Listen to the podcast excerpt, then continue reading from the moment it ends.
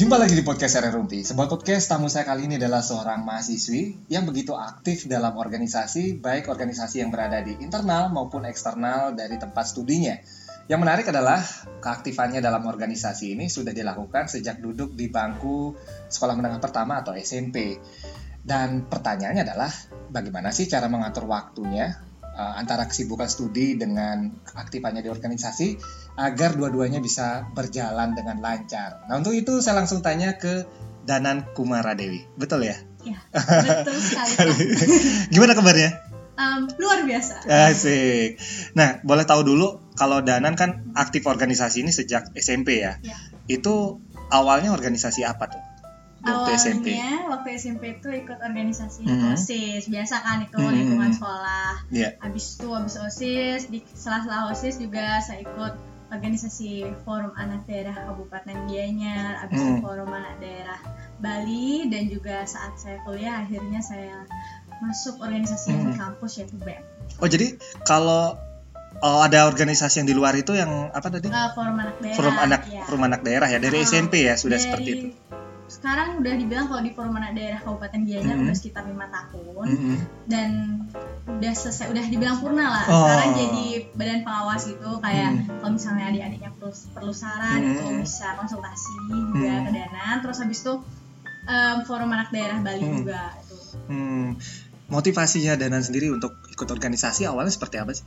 Motivasi yang pertama itu em, dorongan dari orang tua. Jadi Mhm. orang tua ingin biar Danan tuh belajar tentang leadership di mana Hmm, pelajaran itu nggak bisa Danan dapetin di sekolah yang Hmm. bisa Danan dapetin di mata pelajaran itu Hmm. yang bisa Danan dapetin itu dari organisasi Hmm. yang kedua Danan juga ingin memberikan suatu hal yang baru gitu di Hmm. organisasi itu sedangkan Danan punya inovasi-inovasi lah di Hmm. dalam Jadi punya gagasan-gagasan baru ya Iya. untuk organisasi ini. Ah, ah. Kira-kira apa yang jadi masalah selama ini? Kalau dari pengalaman Danan waktu SMP, itu waktu SMP udah berpikir seperti itu? iya jadi awalnya itu di osis itu pengen Hmm. masuk osis karena merasa kayak harus ada sistem yang baru di osis harus Hmm. ada suatu hal yang baru dalam penerimaan mahasiswa baru jadi Hmm. pengen menerapkan program-program yang baru misalnya dulu dulu di SMP sebelumnya misalnya nggak ada yang namanya lomba debat terus Hmm. buat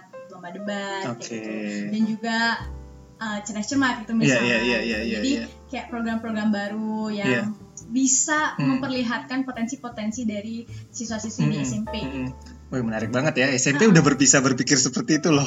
iya jadi Sudah semacam anggota dewan aja. ah, Iya, iya, iya, hmm, Dan akhirnya itu juga memberikan eh, dampak juga ya kepribadian dalam artian sama Danan sendiri. ya pastinya berdampak Hmm. jadi um, selain Danan juga belajar tentang kepemimpinan Danan Mhm. juga belajar mengenai tipe-tipe karakter um, um, partnernya Danan dalam Hmm. bekerja jadi Iya, iya. kita nggak bisa hanya memikirkan pendapatan diri sendiri Hmm. tapi kita harus gimana caranya kita dapat menggerakkan teman-teman satu sama lain Hmm. touch um, Hmm. perasaan mereka gitu Hmm. jadi ketika kita dipercaya menjadi pemimpin Hmm. kan hanya Danan aja yang berpikir untuk harus A harus Iya, B iya, tapi iya, Danan iya. harus mengajak teman-teman juga ayo ikut yuk sama-sama gitu Hmm, hmm, hmm. mencapai tujuan dari organisasi, Organisasi, gitu. iya, iya, nggak iya, cuma iya. tujuan dari Danan tapi Hmm. gimana caranya tujuan organisasi kita Bisa tercapai gitu ya. tercapai. Wah ini udah cocok nih anggota dewan berikutnya. Cara berpikirnya udah seperti itu. Ta- Dan itu sudah dilakukan sejak SMP ya. Iya dari SMP. Nah, terus gimana caranya kalau ka- kalau mungkin kalau Danan cara berpikirnya itu pada saat organisasi seperti sekarang kuliah begitu ya, mungkin oke lah. eh, ini udah dari SMP ini menarik nih. Terus gimana caranya kamu ngatur waktu antara studi dengan organisasi? Apalagi ada organisasi di luar ah di luar Iya. sekolah gitu. Em, pertama kita Mhm. harus berpikir kalau hal yang utama adalah tetap belajar Hmm, tapi yang kedua kita juga harus berpikir tengah- tentang tanggung jawab kita hmm, jadi kalau di kalau yang menjadi permasalahan dari hmm, orang-orang tidak mau mengikuti organisasi karena tidak dapat mengatur waktu hmm. belajar Takut dan- keteteran Nah, gitu. keteteran solusinya adalah bagaimana kalau kita bisa belajar di mana pun aja kita bisa Hmm. belajar di mana aja misal ada kegiatan di luar Hmm. kita bisa menggunakan gadget belajar bisa juga bawa buku jadi Hmm. nggak ada alasan kita nggak belajar karena Hmm. belajar bisa aja dilakukan di mana pun dan Hmm. kapan pun karena Asik. sekarang kan udah generasi milenial nih Kak. Iya iya jadi iya. internet itu udah bukan hal yang tabu lagi buat Hmm, kita hmm. internet adalah hal yang ada di samping kita Hmm, setiap hari hmm. bahkan bangun tidur pun apa yang dilihat HP Iya iya jadi iya. kalau menggunakan internet itu dari Hmm. mana aja so belajar pun juga bisa di mana aja Hmm. gitu kak terus em, selain itu juga em, kita buat yang namanya planning Hmm. planning organisasi mau di mana ke Hmm. bawah mau dibawa ke mana abis itu Hmm. study juga mau dibawa ke mana jadi ada time mappingnya Hmm. gitu loh kak jadi kita bisa em, mengatur waktu antara kuliah atau Ya. study dengan organisasi Wah ini artinya Danan disiplin sekali ya sejak SMP itu ya sudah seperti itu. iya bisa dibilang disiplin juga tapi ada sih yang bolong-bolong karena kan masih belajar Nggak, artinya, membuat planning Uh, gitu. ketika kamu berbik uh, membuat planning itu secara Hmm. tidak langsung itu kan kamu lagi mendidik diri kamu sendiri Iya, untuk, untuk disiplin, disiplin, seperti iya. itu. Nah itu yang bikin kamu seperti itu lingkungan dari keluarga dulu atau memang kebetulan kawan-kawan kamu juga banyak yang seperti itu? yang membentuk Danan Iya, bisa berpikir seperti AA itu, ah. itu adalah dari papa sebenarnya Hmm, dari keluarga dari keluarga jadi berarti ya? memang keluarga Danan tuh mendidik untuk Danan itu memikirkan masa depan gitu loh Hmm. future-nya gimana Iya jadi iya iya. ke depannya gimana setidaknya kita sudah memplanningkan hasilnya bagaimana itu kehendak Tuhan kita nggak bisa Hmm, ngatur hmm. kayak gimana yang penting kita sudah memplanningkan itu itu dari keluarga sih memang keluarga itu mendidik dan untuk menjadi leader untuk Hmm, um, disiplin terhadap waktu Iya. dan diri sendiri Iya iya. kalau kita sebagai pemimpin nggak bisa ngatur diri kita sendiri Hmm. gimana caranya kita bisa ngatur orang lain Iya iya iya betul gimana betul. caranya betul. kita bisa mengarahkan menggerakkan orang Iya, lain iya, kalau iya. diri kita sendiri tidak bisa kita gerakkan Wih, mantap, mantap, mantap, mantap. Tapi yang menariknya adalah uh, yang bisa mungkin sobat podcast juga pelajari bahwa semua dimulai diawali dari diri sendiri ya. Dan kebetulan yang mendukung adalah lingkungan dari keluarga Danan. Kalau begitu, uh, menurut Danan sendiri nih, menurut Danan ya, uh, kalau memang itu kan dari lingkungan keluarga. Kalau misalkan orang-orang atau kawan-kawannya Danan yang belum terbiasa nih, pernah nggak ada yang nanya? Dan kamu kan sibuk nih, terus uh, studi juga bisa jalan. Mungkin waktu SMA atau kapan mungkin ada yang pernah nanya seperti itu nggak? ada sih banyak banyak teman-teman Iya, yang iya. banyak Eh, nggak capek apa Ah, kayak ah gitu iya gitu gitu. belajar Ah. tapi tetap organisasi Ah. sebenarnya ini adalah pilihan Hmm. mau berubah mau sukses atau enggak Hmm. apa hal yang ada di pikiran Dana adalah Dana selalu ingat menjadi sukses itu mudah karena nggak Hmm. semua orang mau em, belajar untuk Hmm. Disiplin, gitu ya. disiplin nggak Iya, semua iya, iya. orang mau belajar untuk menjadi berbeda dari orang Hmm. lainnya karena kebanyakan orang ingin mengikuti arus ingin Iya, hidupnya em, enjoy situ situ Iya, iya, aja iya. sedangkan Dana ingin out of the box jadi Ah, em, buat jelasin sama mereka adalah ini emang em, pilihanku jadi aku harus bertanggung jawab terhadap apa yang aku Hmm. pilih yang penting kuliah tetap jalan dan Hmm. juga eh, studi tetap tetap jalan juga organisasi juga tanggung jawab yang diberikan Iya, iya. juga harus danan em, pegang gitu ya. pegang untuk Hmm. kerjakan dengan sebaik-baiknya gitu Cuman pernah nggak uh, ketika kawan-kawan kamu penasaran seperti itu, akhirnya Danan kasih saran begitu. Artinya uh, mereka juga ada organisasi nih, Iya. uh, tapi mereka kesulitan. Terus Hmm. ngomong sama kamu dan gimana sih? Kamu udah sibuk begini? Pernah ngasih saran nggak? Pastinya pernah kak jadi kayak misalnya teman curhat tentang Hmm, iya. adik-adiknya curhat misalnya tentang permasalahan mereka dan Hmm. pasti kasih kayak em, gini loh caranya kalau misalnya em, tapi dan tidak menggurui Iya, Kayak iya, iya, iya. kalian kasih tips, Hmm. trik, nanti entah mereka mau mengeksekusinya itu kehendak Urusan mereka belakang, iya, ya, yang penting iya. Danan udah membagi ilmu, Hmm. memberikan mereka informasi itu udah cukup sih buat Hmm. Danan. Oke. Nah, kalau organisasinya sendiri, kalau itu metodenya udah udah menarik banget ya. Iya. Mungkin sobat podcast juga bisa banyak belajar nih ya. Apalagi yang saat ini masih sekolah maupun juga kuliah. Artinya nggak masalah dong organisasi baik itu internal ataupun juga eksternal dari tempat studinya. Kalau di luar tempat studinya Danan itu organisasi apa sih yang mau diikuti? Kalau saya kulik-kulik kayak anak-anak banyak tuh. Iya, jadi em, kalau dulu waktu SMP, SMA itu Danan fokus sama selain OSIS juga waktu Hmm. SMP, Danan ikut yang namanya Forum Anak Daerah. Jadi Hmm. Forum Anak Daerah itu adalah di mana kita em, mendengarkan suara anak-anak, kita Hmm. rumuskan dalam sebuah em, suara anak Iya, dan iya, iya. kita sampaikan kepada pemerintah. Jadi ibaratnya kita tuh kayak jembatan Hmm. antara anak-anak, Iya. suara anak-anak Iya. yang kita bawa ke pemerintah. Hmm. Itu kayak gimana sih? Maksudnya permasalahan-permasalahan anak-anak yang kamu hadapi waktu itu sebagai dari SMP ya duta? Ah, itu? dari SMP. Jadi misalnya tuh kayak di komisi partisipasi kan di Hmm. partisipasi anak. Hmm, Nah itu contohnya adalah misalnya anak yang sebenarnya punya potensi, hmm, namun tidak tersampaikan potensinya dengan baik sehingga dia tidak dapat em, berkembang gitu, Hmm. karena nggak ada wadah untuk mereka Hmm. berkembang. Atau yang kedua misalnya anak yang partisipasinya tidak tepat, misalnya Iya, em, mengikuti lingkungan yang kurang baik sehingga sebenarnya dia punya potensi hmm. eh, untuk menuju hal yang lebih baik, cuman dia karena lingkungannya jadi iya. seperti itu. Hmm, artinya di situ ya. Hmm. Mereka cara nyampaikannya langsung atau gimana biasanya ini? kita lihat lapangan karena kan Hmm. anggota forum anak itu nggak cuma saya danan dari Hmm, em, wilayah A gitu Hmm. Ada juga yang dari wilayah B C D Hmm. jadi mereka yang menyampaikan suara-suara eh, lingkungan sekitarnya kayak gimana sih langsung atau lewat media? Em, ada yang lewat media ada Hmm. juga yang secara langsung jadi Hmm. itu yang kita em, simpulkan kita buat suara dan kita sampaikan ke pemerintah Hmm. Nah, itu dari SMP ya? ah ah, dari SMP Gimana rasanya ketika itu secara langsung kan SMP masih ada jiwa anak-anaknya juga, ya kan? Eh, Tapi rema- harus berpikir Iya, seperti itu. Dan gimana sih cara kamu? itu ra- ra- caranya dan rasanya rasanya nih Ra. Hmm, Em, merasa sangat senang Mhm. karena dapat belajar kayak ngerasain kayak anggota dewan gitu bisa buat Iya. eh, apa sih namanya eh, buat Merumuskan pemikiran gitu ya. gitu, menyampaikan apalagi menyampaikan ke pemerintah di Iya, mana iya, iya. itu adalah orang-orang petinggi-petinggi Hmm. yang hebat gitu Iya. Em, kalau ca- caranya adalah gimana caranya berpikir untuk bisa membuat redaksional itu adalah harus banyak-banyak baca-baca buku, Hmm. baca-baca referensi, lihat Hmm. artikel di Iya, iya. lapangan gimana. Itu Iya, yang iya. harus eh, menjadi tantangan buat seorang anak SMP waktu itu. Iya, iya, iya. Sekarang udah berbeda ya. Iya, sekarang udah beda dong Ah, pastinya. iya. Kalau sekarang kan mungkin udah bisa lah artinya memahami permasalahan-permasalahan itu kan. Kalau dulu tuh masih kayak berpikir ini benar nggak sih? Iya, iya, Karena kan iya. masih anak-anak Iya. ya. Ah, masih anak-anak. Cuma dengan pikir kalau nggak kita yang Hmm. menyuarakan gitu. Iya, Siapa lagi yang menyuarakan kalau kita takut, asik. yang lain juga Benar. lebih takut dari Iya, kita. iya, iya, iya, iya, iya, iya, iya.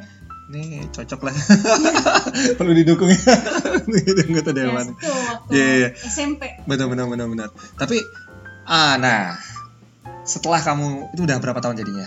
Eh, Sampai di purna. forum anak Ah. daerah Kabupaten Gianyar ya kak itu udah lima tahun Mhm. menjabat sama dari tahun 2014 sampai 2016 wakil dua Mhm. 2016 2018 ketua umum Mhm. habis itu habis itu udah lengser udah purna udah, Pur- udah pur- Purna nih pas di kuliah ya? ah udah Pada saat kuliah? lagi gitu Oh karena iya, kan iya. Pengertian anak-anak tuh dari nol masih di dalam kandungan sampai di bawah 18 tahun jadi Hmm. Danan kan sekarang udah 19 tahun Iya, iya. Nggak Nah, maksudnya di, di di dutanya sendiri Danan udah purna istilahnya. udah udah Oh, dari iya, kita iya. tuh waktu 2015 itu Hmm. sekitar antar kelas 3 SMP mau naik ke 1 SMA Nah, dari pengalaman itu nilai-nilai apa sih yang eh, kamu apa ya istilahnya? Kan pasti pengalaman itu juga menjadi inspirasi pelajaran gitu ya buat Danan sendiri sebagai seorang anak dan remaja bahkan sekarang juga menginjak dewasa ini Hmm. harus seperti apa gitu. Ada nggak sih? Em, apa yang menginspirasi Danan adalah Ya. ternyata masih banyak orang yang Mm. kurang tidak seberuntung Danan Hmm. jadi ketika Danan beruntung saat ini apa yang bisa Danan lakukan adalah Danan berusaha untuk membagikan keberuntungan kepada teman-teman Hmm. misalnya dengan cara menyuarakan karena Danan punya Iya. em, kesempatan untuk bersuara Iya, iya, iya. memberikan uh, edukasi pendidikan Iya, iya. kepada um, anak-anak lainnya meskipun ketika Danan menjadi duta anak Bali tidak semua bisa Danan rangkul Mm-mm. tapi setidaknya Danan sudah bergerak Iya, daripada iya. enggak sama, Enggak sama sekali, betul. Iya, gitu, Kak. Mm-mm. itu sih sama juga um, Danan berasa kalau menjadi duta itu bukan hanya sekedar Status. eksistensi, Ah, status ya. gak bisa dibilang banyak yang mungkin orang berpikir kalau menjadi duta adalah sebuah eksistensi Hmm. menaikkan derajat tapi Danan berpikir kalau menjadi duta adalah langkah awal atau jalannya Hmm. Danan untuk dapat lebih menyuarakan Hmm. untuk dapat lebih Iya. bergerak Betul, betul. Sekaligus kamu juga belajar ya Ah, gitu ah, ya. sekaligus juga belajar Iya iya iya. iya. Suatu saat, suatu saat nih ya, nanti Ah. lulus ada kepikiran gak sih untuk tetap juga uh, mungkin dengan dari pengalaman kamu ada Hmm. langkah-langkah yang ini kan permasalahan anak nih nggak tentu masih banyak PR ya, Iya, masih Ah, banyak. masih banyak masih banyak banget ah, akan melakukan juga tindakan artinya yang berkaitan dengan ah, anak-anak ini. Hmm. Ada nggak kepikiran kalau sudah lulus nanti aktif lagi mungkin di organisasi itu sebagai pembina begitu atau atau membuat organisasi baru malahan? Eh, ada sih kepikiran Hmm. untuk eh, tetap mengaja- mengadakan kegiatan sosial Hmm. khususnya bergerak di anak Mm-mm. namun juga em, karena planningnya dan ke depan tuh lebih ke bisnis Mm-mm. jadi itu adalah em, side job lah Hmm. untuk tetap tetap di bisnis tapi tetap juga berkegiatan sosial Iya iya. iya. membantu anak-anak gitu Mm, pastinya. Artinya tetap tetap ada Ah, ya tetap kepikiran ada. seperti Cuman itu ya. sefokus waktu Hmm. SMP Hmm. SMA Iya, iya. Ini menarik nih ya. Mungkin nggak tahu ya kalau uh, ngomongin soal pendidikan anak kan memang penting Banyak, banget ya luas. banyak ya luas banget ya.